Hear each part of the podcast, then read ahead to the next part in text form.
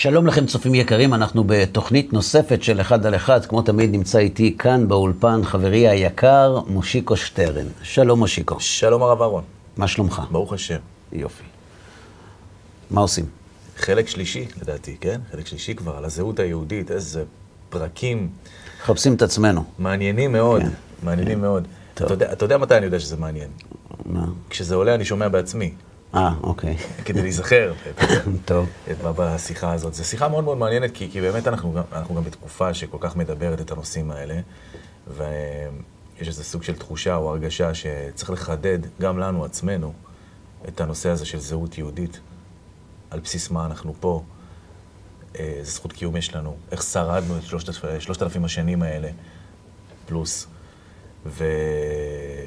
ודווקא עכשיו, דווקא בתקופה הזו, הייתי רוצה שניגע עוד יותר בפנים, עוד יותר אוקיי. לעומק, ועצרנו בפעם הקודמת, רגע לפני שהסברנו את ה... איך אמנם אנחנו מגדירים את עצמנו, אנחנו כבר די מבינים, כי יש לנו אפילו... כי בגין אמר. כי, בדיוק. באתי לומר גדולי ישראל, אבל בסדר. אה, ו... ויש אפילו עוד הגדרה שמביאה אותנו לדבר הזה, ודיברנו על זה, האנטישמים יימח שמם, שהם אפילו עושים את זה לחומרה. כן. אז בואו נדבר על זה רגע. אוקיי, אז כמו שאמרת, באמת, התקופה שלנו, האמת, מאז קום המדינה, יש עליות וירידות, אבל עכשיו אנחנו מצויים בתקופה שזה על השולחן, כמו שאומרים, שדנים כן, בזה. כן. שאנחנו רואים שיש מאבק על, על בדיוק על ההגדרה הזאת, על, על, על הגדרת הזהות היהודית, על הגדרת המיהו יהודי, על מאבק בין כוחות שונים. שפועלים בתוך האומה כדי לנסות להשפיע על ההגדרה שבה אנחנו עוסקים. שזה דת ומדינה, וזה סוגיית הגיור, ובני הישיבות, וגזרות כלכליות, וכל הדברים האלה. כן. ש... שבאמת אנחנו, זאת אומרת, זה משהו מאוד מעשי. שנדגיש שגם אמרנו בפעם הקודמת ש, שהאינטרס אולי הדתי או החרדי, שכן תהיה הפרדה, כי אם הייתה הפרדה, אז לכל אחד באמת היה... ברמה האישית. ברמה האישית, כן. אומרת, ברמה האישית שלי, כבן אדם, כאדם חרדי שגר במדינת ישראל, אם אני מחפש את האינטרס האישי שלי, בדיוק כמו האינטרס האישי של חרדי שגר בבורו פארק או בלוס אנג'לס, זה דת ומדינה, שני דברים שונים, וכל אחד בבית שלו וכולי. תן לי את שלי ותודה רבה. כן, מה, מה אני צריך את כל זה? אז בעצם כל הנושא הזה מגיע מתוך מקום של אכפתיות, אכפתיות יהודית. איכות הסביבה. אמרנו בפרק כן, הקודם, הירוקים ה- אנחנו הירוקים השחורים. הירוקים השחורים. כן, אנחנו אה, נאבקים, מתבזים, שנואים, מושפלים, מקוצצים, בגלל שאנחנו דואגים, אני אומר את זה בצורה הכי ברורה, ואם תגיד לי שזה מריח התנשאות, לא אכפת לי, אוקיי. אה, אנחנו דואגים לדור הבא, הבא, הבא של העם היהודי. אבל אתה יודע, יש מי שיבוא ויגיד לך, תודה רבה, לא רוצה. אל תדאג לי. בירוקים... לא, לא, לא דואג לך. אני לא דואג לך, אתה לא מעניין אותי. אלא? לנכדים שלך אני דואג. וואו. כשבא בן אדם ואומר לי, עזוב אותי מאיכות הסביבה, תן לחיות, תן לתעשייה לעבוד, תן ליהנות מהחיים, חיים רק פעם אחת. אל תדאג לי, תודה. אני אומר לו, אני לא דואג לך. אני דואג לנכדים שלך. כן, אבל אתה יודע, הוא יכול להגיד לך, את הנושא הירוק אפשר לאמוד. רואים זיהום אוויר, זה מה שזה עושה, טה-טה-טה, עניינים, זה מדעי, זה מסודר, יש סטטיסטיקות. גם זה מדעי, מושיקו. איך? זה מדעי לחלוטין, שאם אנחנו לא משמרים את ההגנה על היהדות במובן הכי פשוט של המילה, אין עתיד לעם היהודי. יהדות ארצות הברית היא המעבדה שמוכיחה את זה בצורה הברורה ביותר, וכמו שאמרנו, אף אחד לא יכול להתעלם מזה, לא גולדה מאיר, לא בן גוריון, לא אה, אה, אה, מנחם בגין, הם לא היו אנשים כל כך דתיים, חלקם בכלל לא. והם הבינו, זאת אומרת, לא צריך להיות פה תמים גדול, זאת אומרת, אם חשוב לך שהעם היהודי ימשיך להתקיים, ההתבוללות היא הסוף של העם היהודי, חד וחלק. היא האיום הכי משמעותי על העם היהודי. לכן, זה, זה, זה, זה, זה לא מדעי, זה חושי, אתה רואה את זה מול העיניים. אני לא יודע מתי הסתובבת בפעם האחרונה בארצות הברית, אבל אם אתה מסתובב בארצות הברית, לא בבורו פארק, או, או אני יודע, ב, בברוקלין, ב, ב, כן, בברוקלין, או בוויליאמסבורג, או בשכונה של חרדים קטנה בלוס אנג'לס, אם אתה יוצא קצת החוצה, מפחיד. זה לא מפחיד. אין יהדות. כן. בתי, ב- בתי ספר נסגרים, בתי ספר יהודיים נסגרים. כן. בתי כנסת שוממים, סגורים, בתי כנסת ששימשו מאות ואלפים של אנשים, פשוט סגורים על מנעול ובריח. אם אתה הולך לקהילות יהודיות בדרום אמריקה או במקומות יותר נידחים, זה פשוט נעלם. אין מניינים, אין בית כנסת, אין כלום.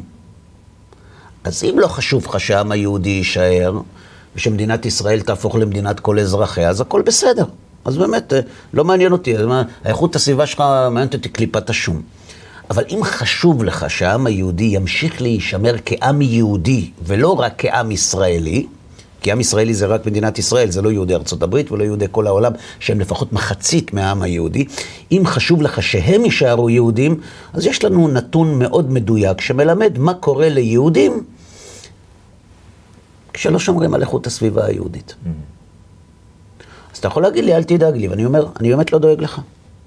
אני דואג לנכדים שלך. תאהב את זה, לא תאהב את זה, אני מוכן להתבזות בשביל זה. קח דוגמה עכשיו, את, ה, את הגזרות הכלכליות ש, שמנסים ל, ל, ל, לכפות על החרדים. זאת אומרת, יושבים אנשים במדינת ישראל, אני רוצה, אני רוצה להסביר את זה קצת. הם לא אנשים רעים. זה שיש אנשים שעושים את זה מתוך נקמנות, וזה, זה, אפשר להיתפס על זה. אני חושב שזה הרבה יותר עמוק מזה. זה נכון, אבל זה הרבה יותר עמוק מזה.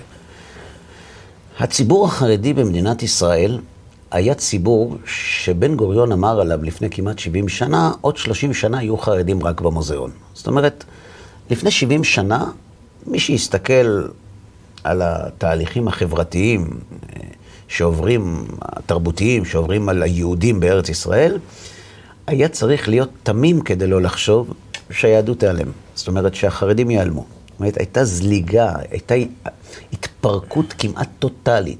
ת, תבין, תופסי התורה כן. במדינת ישראל עמדו על מניין של 270 לומדי תורה. זה הכל. זה הכל. אלה היו הגרעין הראשון שקיבל את הדיחוי כן, בצבא. המפורסם. כן. כן.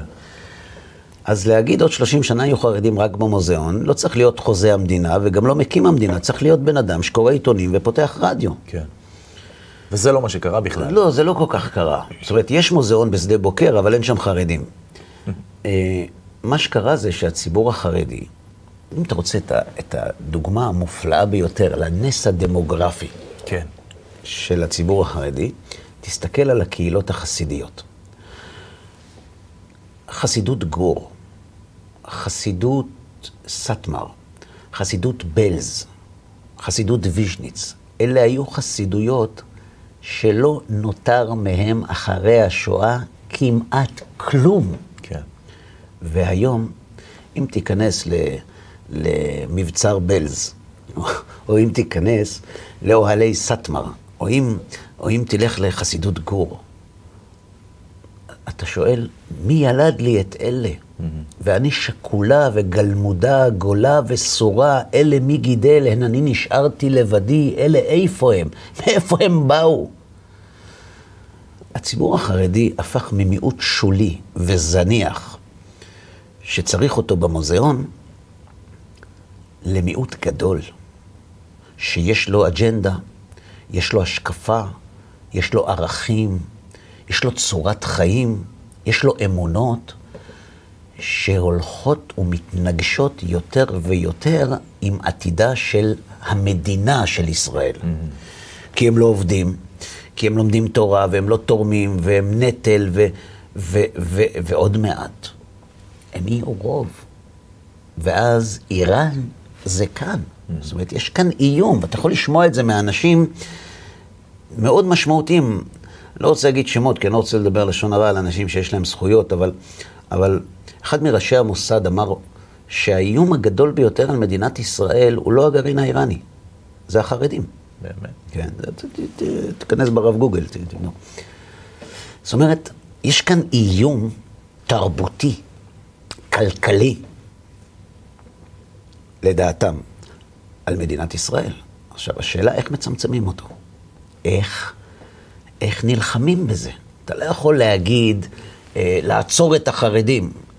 אתה לא יכול להגיד, כי כבר אמרו את זה. זאת אומרת, אתה לא יכול להגיד, נעשה ככה. נעשה... אנחנו רוצים שיהיו פחות חרדים.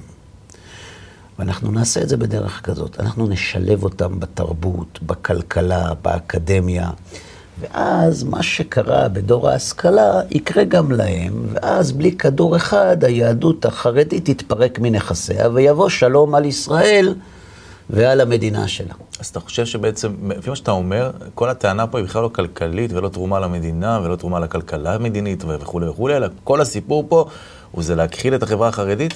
לא להכחיד, אני לא רוצה להשתמש במונחים כאלה. לשלב. לשלב, תישאר דתי. לשלב נשמע מאוד מעניין. כן, כמו הציבור הדתי-לאומי, תשלב. אוקיי. הנקודה היא שכשאתה משלב, הזליגה החוצה הולכת וגוברת. ומה מזליגה פנימה? קיימת, אז התהליך יהיה יותר איטי. מושיקו, בואו לא נהיה תמימים. אנחנו, אני מדבר על הצבע שלי, mm-hmm. אנחנו מהווים איום. וכשאתה מהווה איום, זה שאתה משרת בצבא לא יפתור את העניין, והציבור הדתי-לאומי יוכיח. הציבור הדתי-לאומי הוא הדוגמה הקלאסית להשתלבות בחיי המדינה. כן. האם הם אהובים? אני חושב שכן. כן. משיחיים, סיקריקים, מסכני המדינה, קיצוניים. זה משפטים שלא אמרו על חרדים, על דתיים לאומיים. כשהם הולכים לצבא, מקדמים אותם בסולם הקצונה? או שיש איזו תקרת יותר, זכוכית? לאחרונה אה, יותר. לאחרונה יותר. כן. יש איזו תקרת זכוכית מסוימת שאי אפשר לעבור אותה. למה? הם מסוכנים לא פחות מאיתנו. קוראים לזה ההדתה בצבא. שכחת? זה לא ההשתלבות, זו הדת, חבר. הדת הזאת שאנשים מאמינים בה, מסכנת את הפלורליזם ואת הליברליזם ואת החופש ואת הזכויות שבית המשפט נותן לאנשים, זה בסיכון. ולכן צריך לצמצם את האיום הזה עד כמה שניתן במסגרת החוק. אז אנחנו נסגור להם את הברז, ואז הרי הם ילכו לצבא. מה שהם לא יודעים זה שההיסטוריה מוכיחה שזה לא עובד. זה נכון. זה לא עובד. הפוך אפילו. זה לא עובד. אני אתן לך דוגמה. כשקמה המדינה, בן גוריון קרא ליהודי ארצות הברית לעלות לישראל. שלח את אבא אבן, תעלו לארץ, מה יש לכם לחפש בגלות? ויהודי ארצות הברית מאוד נפגעו. הם ראו בזה התנשאות, ויותר גרוע מזה, הם ראו בזה איום על קיומם בארצות הברית. כי אם כשבנימין נתניהו אמר לאזרחי צרפת, כשהיו את המהומות שם והכול עם המוסלמים, הוא אמר, אין לכם מה לחפש פה, תעלו לארץ, היהודים בצרפת מאוד כעסו עליו. וראש ממשלת צרפת אמר, מה פתאום, בטוח ליהודים בצרפת, מה זה נקרא לעזוב את צרפת? מה כל כך מפחיד את היהודים כשאומרים להם משפט כזה? מה? שהאנטישמים יאשימו אותם בנאמנות כפולה. אתם לא נאמנים לצרפת, אתם נאמנים למדינת ישראל, אתם גיס חמישי, ומזה פחדו אנשי הוועד היהודי האמריקאי בארצות הברית, והיה מתח עצום בין מדינת ישראל לבין יהודי ארצות הברית. אגב, הוועד היהודי האמריקאי בתחילה התנגד להקמת המדינה. אחר כך הוא תמך, אבל בהתחלה לא התנגד. מהפחד הזה בדיוק שאני מדבר עליו איתך עכשיו. והשיא היה כשבן גוריון נפגש עם משלחת של יהודי ארצות הברית, ופשוט איים עליהם בצבריות שלו. אמר להם, תראו, אם אתם לא תיתנו לי לדבר עם יהודי ארצות הברית ולהגיד מה שאני רוצה, אני אדבר עם הצעירים בארצות הברית מעל הראש שלכם. אמרו לו, בסדר, האמריקאים עובדים לפי הספר. ואז בן גוריון היה צריך כסף. קמה מדינה. אז הוא נפגש עם ראש הוואי היהודי האמריקאי, קראו לו יעקב לאושטיין. הוא אמר לו, אני צריך כסף. אמר לו, אין בעיה, כמה לרשום? יש לי תנאים. תשתוק. תפסיק עם הקריאה ליהודי ארצות הברית לעלות לישראל. תכיר בזה שיהודי ארצות הברית אמורים להישאר בארצות הברית.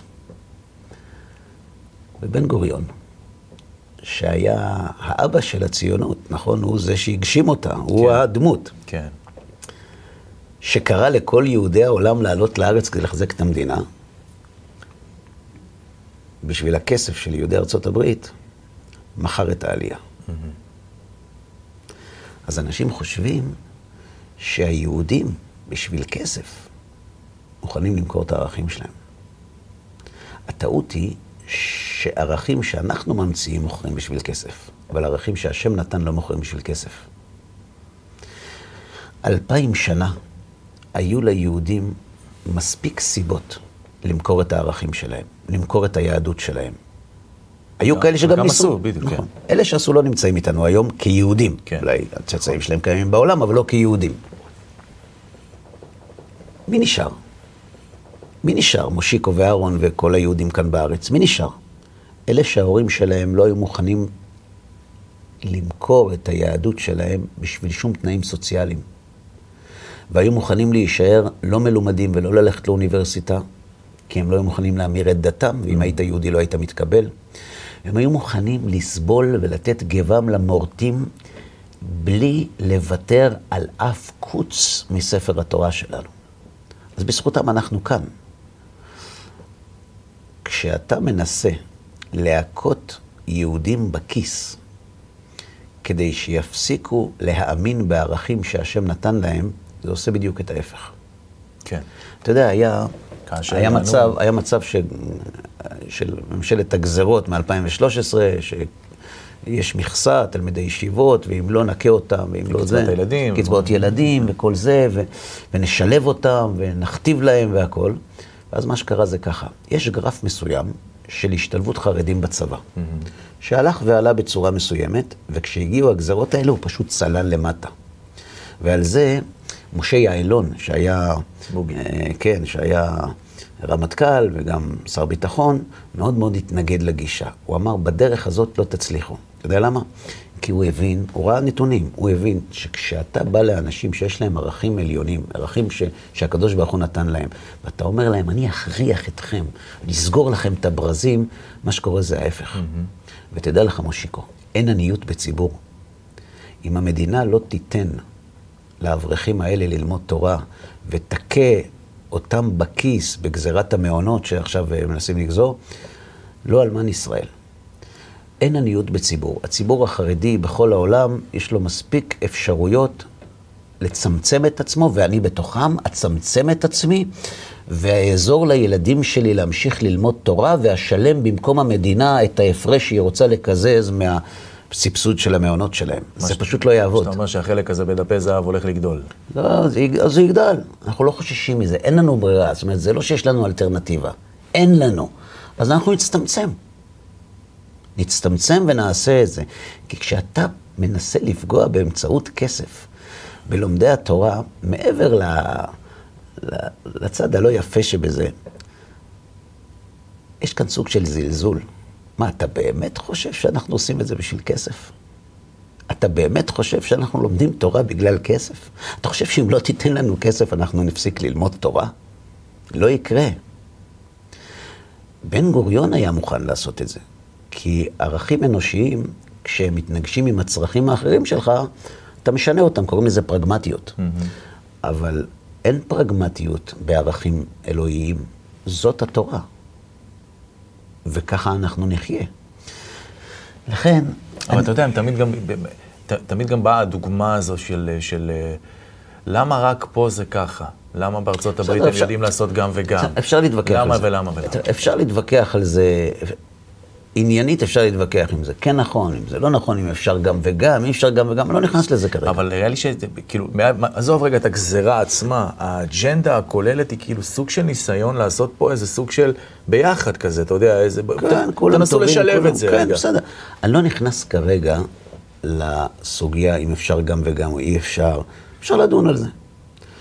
מה שאני מבקש לומר זה שאם אתה רוצה משהו מציבור שיש לו תורה אלוהית, אתה צריך שהוא יהיה משוכנע שמה שאתה אומר לא תואם את התורה שלו. כל דרך אחרת לעשות את זה לא תצלח. וזה לא תואם. זה לא תואם. כי כדי שזה יהיה תואם, צריכים... ש- אבותינו לא עבדו ו... תקשיב, אני לא יודע, אני אומר, זה יהיה תואם כשגדולי ישראל, שהם המקצוענים של התורה, שהם הרמטכ"לים של התורה, יגידו שזה מסתדר. שב איתם, תשכנע אותם. אה, אוקיי. ברגע שהם יגידו כן, אף אחד לא יצטרך לבקש מהחרדים לסגור את הגמרא. בקיצור, בכוח זה לא ילך, זה מה שאתה אומר. לא בכוח ולא בכסף. כי זה שאנחנו יהודים היום, זה בגלל אותם אלה שלא היה אפשר לקנות אותם בכלום, והם לא יהודי ארצות הברית. אז כשאתה שואל אותי אם זה מדעי שאנחנו מוכנים להתבזות ו- ולהתאמץ בשביל הדור הבא, זה מדעי. עכשיו, יש לנו מקום לשאול שאלה אחרת. הרי אנחנו אמרנו שצריך לבדוק, כדי להגדיר את היהודי, צריך לבדוק את המאפיינים הייחודיים שלו. דיברנו על נצחיות עם ישראל, ודיברנו על אנטישמיות, ואז שאלנו מה זה יהודי, והבאנו את טולסטוי וכו'. כן, כן. ובסוף אמרנו שהיו אנשים לא דתיים בכלל, שהסכימו שההגדרה של היהודי זו ההגדרה ההלכתית. ההלכתית, ואין מה לשחק עם זה. אבל עדיין זה לא פתר את השאלה איך זה מסביר את נצחיות עם ישראל או את האנטישמיות. כאן אני רוצה לומר לך משהו. כמו שראינו בפרקים הקודמים, כשאתה מנסה לתת סיבה לאנטישמיות, אתה צריך להחליף את הסיבה כמו גרביים. בגמרא כתוב משהו אחר. בגמרא כתוב, למה נקרא שמו סיני? שנאה משהו, לא? נכון. שמשם ירדה שנאה של אומות העולם לישראל. זאת אומרת, חז"ל אומרים, אתה מחפש סיבת האנטישמיות, לך למתן תורה. אל תנסה לחפש אותה בשום שוק אחר, רק שם. למה נקרא שמו חורב? באותו מקום אומרת הגמרא, שמשם ירד חורבן של אומות העולם לישראל. אז צריך להיות איזשהו קשר בין הדברים. השאלה היא מה? אז ככה. אתה יכול להסתכל על זה מההיבט הרוחני, mm-hmm. אתה יכול להסתכל על זה מההיבט החברתי. מההיבט הרוחני, עם ישראל נבחר, כפי שהתורה כותבת, להוביל את העולם אל תיקונו ואל תכליתו. עד מתן תורה זה היה יכול לעשות לכל רוחב הגזרה, וממתן תורה השתנה המצב, ויש כאן קטר שמוביל את הרכבת. זאת אומרת, כל העולם ותיקונו תלוי. תלויים בקבוצה של אנשים שצריכים להוביל את העגלה קדימה. וזה בכלל לא אמירה מתנשאת. יכול להיות שכן. אבל היא לא. אז היא לא, זה לא מעניין אותי. זאת אומרת, אם הקדוש ברוך הוא אמר לי פעם, הרבה שלי, ככה, הוא אמר לי, אהרון, מה זה, מה זה קדושים תהיו? נבדלים תהיו. ממי? אמרתי לו, מהגויים. הוא אומר לי, מה פתאום? הוא אמר לי, תראה, אם השם הבדיל אותנו מן הגויים, אנחנו לא צריכים לעזור לו. הוא עושה את זה לבד. ואם הוא לא הבדיל אותנו, אז אנחנו סתם גזענים. זאת אומרת, אם השם נותן לך ולי תורה עכשיו בהר סיני, ואומר, וייתם לי סגולה מכל העמים כי לי כל הארץ. אז זה המצב. עכשיו, גזענות, לא התנסות, יכול להיות, דבר איתו, מה אתה רוצה ממני? אז מה זה כן הנבדלים האלה, אם לא מהגויים? מבעלי החיים. בסדר, אבל זה לא קשור עכשיו. אוקיי. בעלי החיים. יש לנו סדרה על, על זוגיות, נקראת כל האמת על הזוגיות, שם אנחנו דנים בזה בהרחבה. הקדוש ברוך הוא נתן תורה לעם ישראל ואמר להם, אתם תהיו ממלכת כהנים. כמו שבעם ישראל יש כהנים, לוויים וישראלים, והכהנים אז אתם כהנים כלפי שאר העולם. אתם הכהנים. כן. אתם הכהנים. ו... ואתם צריכים להוביל את העולם אל תיקונו. זאת אומרת שמבחינה הרוחנית, העתיד של האומות תלוי. תלוי בעם ישראל. כן. כשעם ישראל מבצע את תפקידו, הכוח הרוחני של האומות הולך אחרי עם ישראל, והכל תקין, נמשך לשם. נמשך. וכשעם ישראל לא מבצע את תפקידו, אז יש מישהו שדורש, כן. שדורש להזיז את העניינים, וזו האנטישמיות. שיחתנו על ישמעאל. כן, שמשם ירדה שנאה של אומות העולם לישראל מהבחינה הרוחנית. אגב, השנאה הזאת, כמו שאתה אומר, מחויבת בהכרח רק להיות במציאות שבה אנחנו לא עושים את תפקידנו. כי כשאנחנו עושים את תפקידנו הכל בסדר, כן. אבל גם כשעשינו את תפקידנו לא היה בסדר. אנחנו נבדוק את זה. נבדוק את זה. נבדוק. מהבחינה הרוחנית, כשעם ישראל נבחר להוביל, ירד חורבן לאומות העולם. אנחנו חושבים שחורבן זה כשהבית נחרב. חורבן זה כשהדבר מתבטל מתפקידו ותכליתו. למשל, הנהר חרב. הנחל חרב, כי הוא לא משמש לתפקידו, mm-hmm. כי אין שמיים. Mm-hmm. מה זאת אומרת, משם ירד חורבן של אומות העולם לישראל? אומר מהר"ל מפראג, כתוב במדרש שהקדוש ברוך הוא ברא עולמות והחריבם. והרבה אנשים שואלים על זה, אני נתקל בשאלה הזאת המון. כאילו מה, הקדוש ברוך הוא לא יצא לו טוב, אז הוא היה צריך עוד פעם? וההסבר הוא כזה, כשילד עולה לכיתה א', בשבילו כיתה א' זה כל העולם. עכשיו, נגיד שאנחנו מדברים על כיתה שהיא חדשה בבית ספר, אין, אין מחזור קודם. כן, כן. אז כן. יש רק כיתה א', אז הוא חושב שזה בית ספר, הוא לא יודע. אבל מה קורה כשהוא עולה לכיתה ב'? חדש. פתאום הוא מגלה שכיתה א', למרות שהייתה מאוד נחמדה, נגמר. היא לא התכלית. כן. היא אמצעי חשוב כדי לטפס ממנו על כיתה ב'.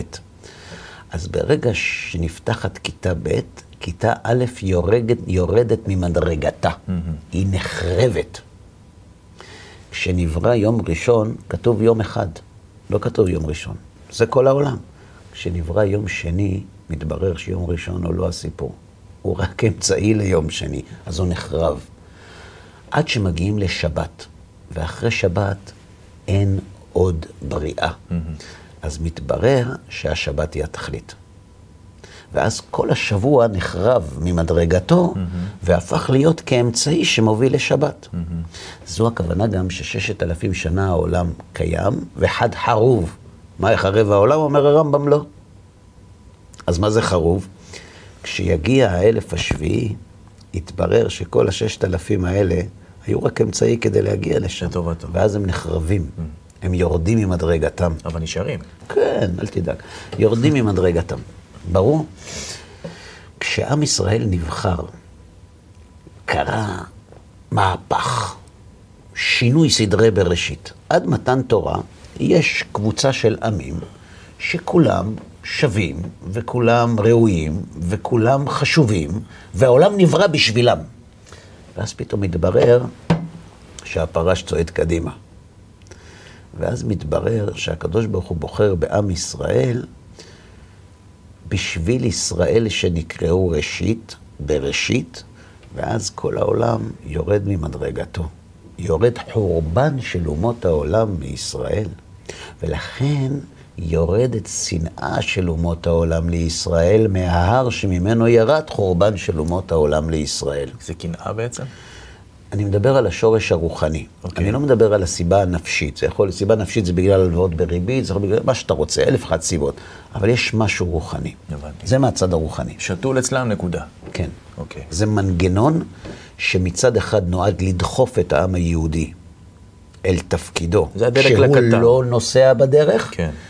וכשהוא נוסע בדרך, שלא יבזול החוצה. עכשיו נעבור אל הפן החברתי, התרבותי, הנפשי, אם תרצה. עד מעמד הר סיני היה מוסר אחד לכולם. זה נכון שבכנען היה את המוסר של כנען, ובסדום היה את המוסר של סדום, ובעמורה היה את המוסר של עמורה.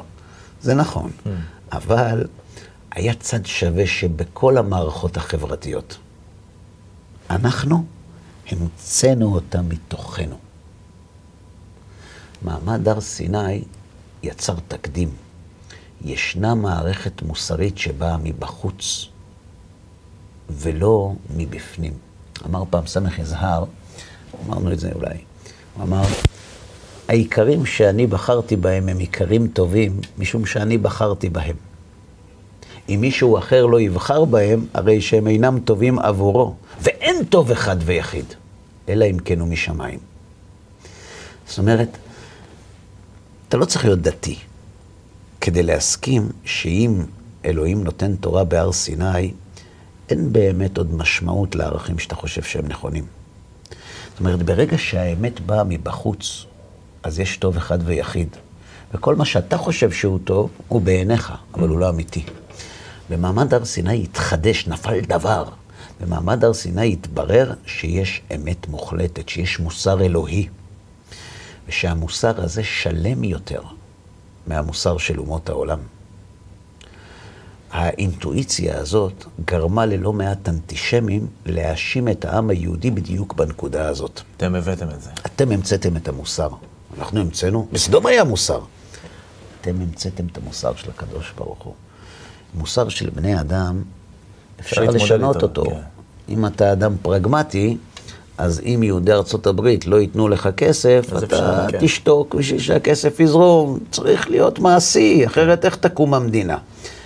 אבל המוסר שלכם הוא מוסר ברזל, הוא מוסר שאי אפשר לשחק איתו, שגם אם יקצצו לך בתקציבים, אתה לא יכול לשנות אותו, כי זה לא אתה המצאת אותו.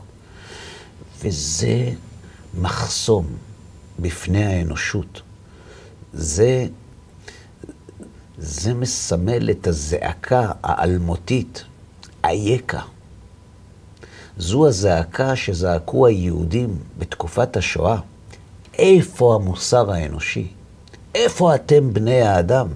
איפה אתם הליברלים הנאורים כשאנחנו נטבחים? אני לא רוצה להגיד שזה בגלל זה. אני לא רוצה לדון אף אחד. אבל יכול להיות שהיו אנשים שלא כל כך הצטערו שהעם היהודי, שהוא נושא המוסר האלוהי, הולך ונעלם. כי אז מעמד המוסר האנושי יחזור למעמדו המכובד. הוא ייבנה מחורבנו, כמו שאמרנו. וזה מה שעומד, על פי דברי חז"ל, מאחורי השנאה הזאת. מצד אחד, המוסר האלוהי שהחריב את המוסר של בני האדם, ומצד שני, האומה היהודית שהחריבה את מעמדם של אומות העולם. לא החריבה מבחינת, אתה יודע, כן. חורבן פיזי, כן. אלא מבחינת סדר החשיבות, סדר עמידת הדברים. זו גם הסיבה של נצחיות עם ישראל. Mm-hmm. כי זה מה שמעניין. אם עם ישראל קיבל תורה מהקדוש ברוך הוא, והמוסר הזה הוא אלוהי, והתורה הזאת לא תהא מוחלפת, ואם העם היהודי נועד להוביל את הקטר של האנושות אל תכליתו, הייתכן שהעולם יגיע אל תכליתו בלי הקטר? Mm. אפשר קרון אחד ירד, עוד קרון ירד, אבל הקטר חייב להגיע. וזאת הסיבה לנצחיות עם ישראל. לא ימושו מפיך, ומפי זרעך, ומפי זרע זרעך, מעתה ועד עולם. אם ימושו החוקים האלה, אומר הנביא, ימוש גם עם ישראל מהיות גוי. Mm-hmm. אם לא בריתי יומם ולילה חוקות שמיים וארץ לא שמתי. ואף גם זאת בהיותם בארץ אויביהם לא מאסתים ולא גאלתים לכלותם להפר בריתי איתם, כי אני השם אלוהיהם. הקדוש ברוך הוא מבטיח, העם היהודי יישאר. למה? כי יש לו תפקיד. ולכן כל עוד העולם לא מגיע אל תכליתו והרכבת לא הגיעה אל התחנה, אי אפשר בלי הקטר, צריך אותו. ואיך זה מתכתב עם, אתה כבר בנבואות, אז מהרסייך ומחרבייך ממך יצאו? תראה, לאורך ההיסטוריה היו אנשים שהיה להם מאוד קשה עם המחיר שעם ישראל משלם תמורת ההובלה הזאת. Mm-hmm. והם ניסו, בכל מיני דרכים שהזכרנו גם במפגשים הקודמים שלנו בנושא הזה, הם ניסו לחבל בתפקיד הזה. יכול להיות שזה בא מתוך כוונה טובה. כן. אבל הם רצו לשחרר את היהודים מעול ה... מהמחיר הנורא שהם משלמים תמורת התפקיד שלהם. אנחנו קוראים לזה מהרסייך ומחריבייך, כי מבחוץ אפשר להחריב אותנו. אפשר להחריב אותנו רק מבפנים. וזו הכוונה של הדברים. אני אתן לך עוד דוגמה, ועם זה נארוז. זאת אומרת שגם להם יש תפקיד, לפי מה שאנחנו מבינים פה. להוביל את הקטר קדימה. בוודאי. כי הרי בזכות זה... תראה, אני אגיד לך משהו. גוזרי הגזרות על החרדים, הם, הם לא באמת מבינים. זה, זה כמו אדם שמדבר עברית שמסתובב בין אנשים שמדברים יידיש. הוא לא מבין מה הם אומרים. הם לא מבינים. גם אצלנו, בציבור החרדי, יש עליות וירידות, אתה יודע, אנחנו בני אדם. Mm-hmm. ולפעמים אתה נסחף ומחפש את החומר יותר, לפעמים אתה מחפש את הרוח, אתה יודע, אנחנו בני אדם. כשגוזרים גזרות כאלה על לומדי התורה, כולנו הם. גם אם אנחנו לא לומדים, גם אם אנחנו לא לומדים מספיק, גם אם אנחנו עושים דברים אחרים ולא את מה שהם עושים, ברגע שפוגעים בהם, כולנו הם. אני חושב שזה היה אחד. זה הגן היהודי, אבל בכללו, לא? כן, כן. זה הבלון הכתום של ההתנתקות, וזה ה... כן, כן. נכון? אז שזה זה לא דרום משתנה, אדום אז ו- זה לא משתנה כשזה מגיע לפה. כן. היה עורך דין אחד, מאוד מפורסם, עורך דין צמרת, זכרונו לברכה, שהוא למד בישיבה חרדית, אה, לא יודע, באיזשהו שלב כאילו לא, לא הלך בקו החרדי המיינסטרימי, כמו שאומרים, כן. בהתחלה. ויום אחד חל בו שינוי. זה קרה כשהייתה הפגנת ה-600 אלף. לפני שנים הייתה הפגנה בירושלים, 600 אלף חרדים. אה, זו הייתה הפגנה נגד, אה, אני לא זוכר מה, החוקים של בית המשפט העליון. ולא נשאו שם נאומים. אני זוכר, הייתי שם. לא נשאו שם נאומים. קראו שם תהילים, לא, לא היו נעים, ואמרו שמע ישראל.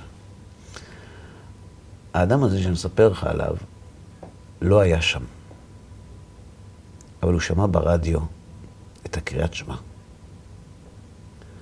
ואז הוא אמר שכשהוא שמע את קריאת השמע הזאת, הוא שאל את עצמו לאן אני שייך. אני שייך לשם. כשאתה פוגע בציפור הנפש של היהדות, גם מי שלא נמצא בבית המדרש, גם מי שלא חובש את ספסליו, כשאתה מנסה לפגוע בו, כולנו הם. אפילו ביאליק, שלמד בישיבה ופירש, כשניסו לפגוע במעמדם של לומדי התורה, הוא כתב מאמר על בית המדרש הישן, כדי להסביר לאנשים שהם צריכים להבין במה מדובר. לכן זה לא יצליח. עכשיו, כדי להראות לך עד כמה יש הבדל בין המוסר שבשמו שונאים אותנו לבין המוסר האנושי, אני אחזור לנושא שלנו, חוק השבות. נכון, אנחנו נגד גזענות, נכון? מדינה נגד גזענות, ומישהו, יש לו מצע גזעני, אנחנו, אנחנו לא ניתן לו להתמודד לכנסת, ו... נכון? נכון. חוק השבות הוא חוק גזעני. תשאל כל חבר כנסת ערבי, הוא יגיד לך את זה.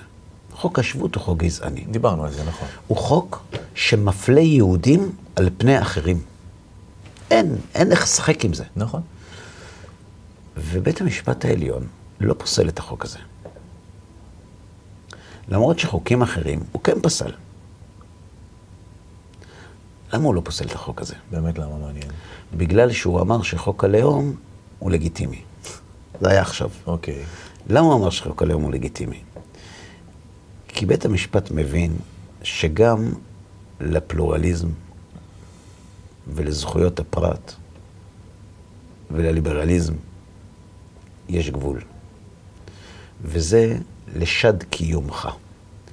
מדינת ישראל תהיה יהודית רק אם יהיה בה רוב יהודי. זהו. עכשיו, אם היינו דתיים, היה יותר קל, אבל אנחנו לא. כן.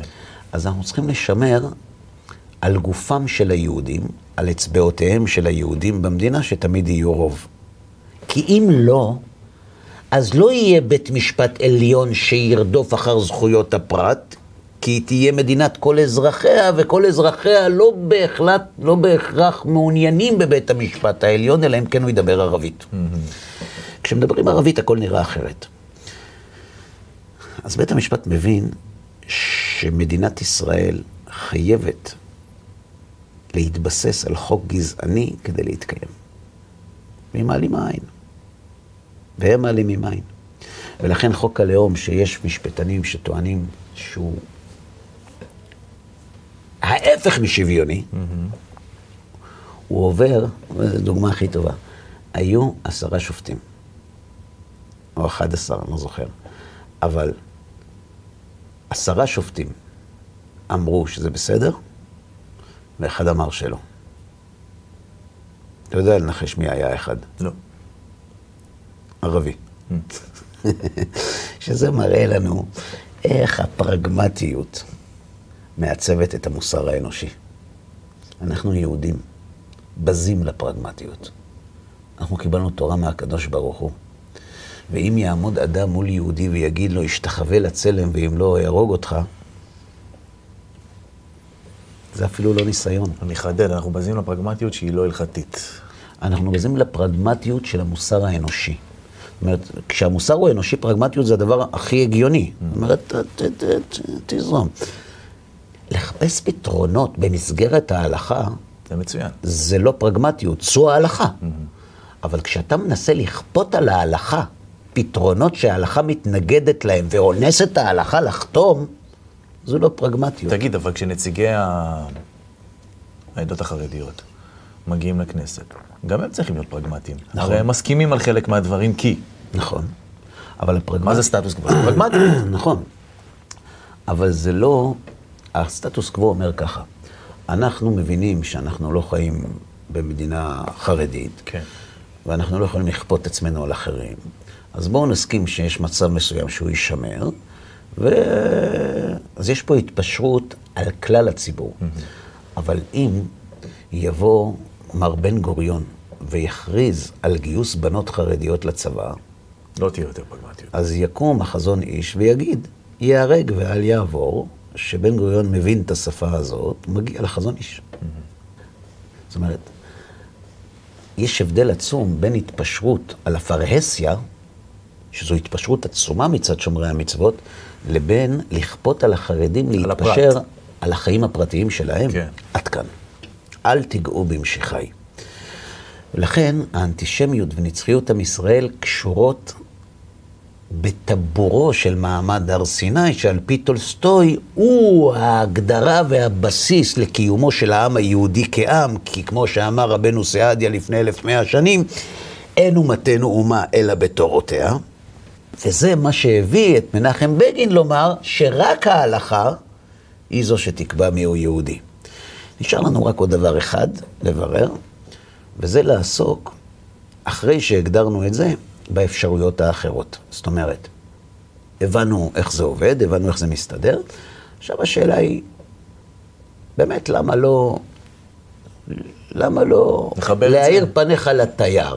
זאת אומרת, ת, ת, בוא, ת, מה הבעיה כל כך עם, עם, עם, עם הרפורמים, עם ההתבוללות, עם, עם כל הפתרונות האחרים שניסו להציע לאורך השנים? אז בזה בעזרת השם נעסוק בפעם הבאה. בעזרת השם. בסדר? תודה רבה. תודה מושיקו, תודה שבאת, הקדשת מזמנך היקר לי ולצופים. תודה רבה גם לכם, צופים יקרים, שהשתתפתם איתנו בעוד תוכנית של אחד על אחד. אנחנו מאוד מקווים שהדברים יהיו לתועלת, ובעזרת השם ניפגש כאן יחד בתוכניות הבאות. כל טוב לכם.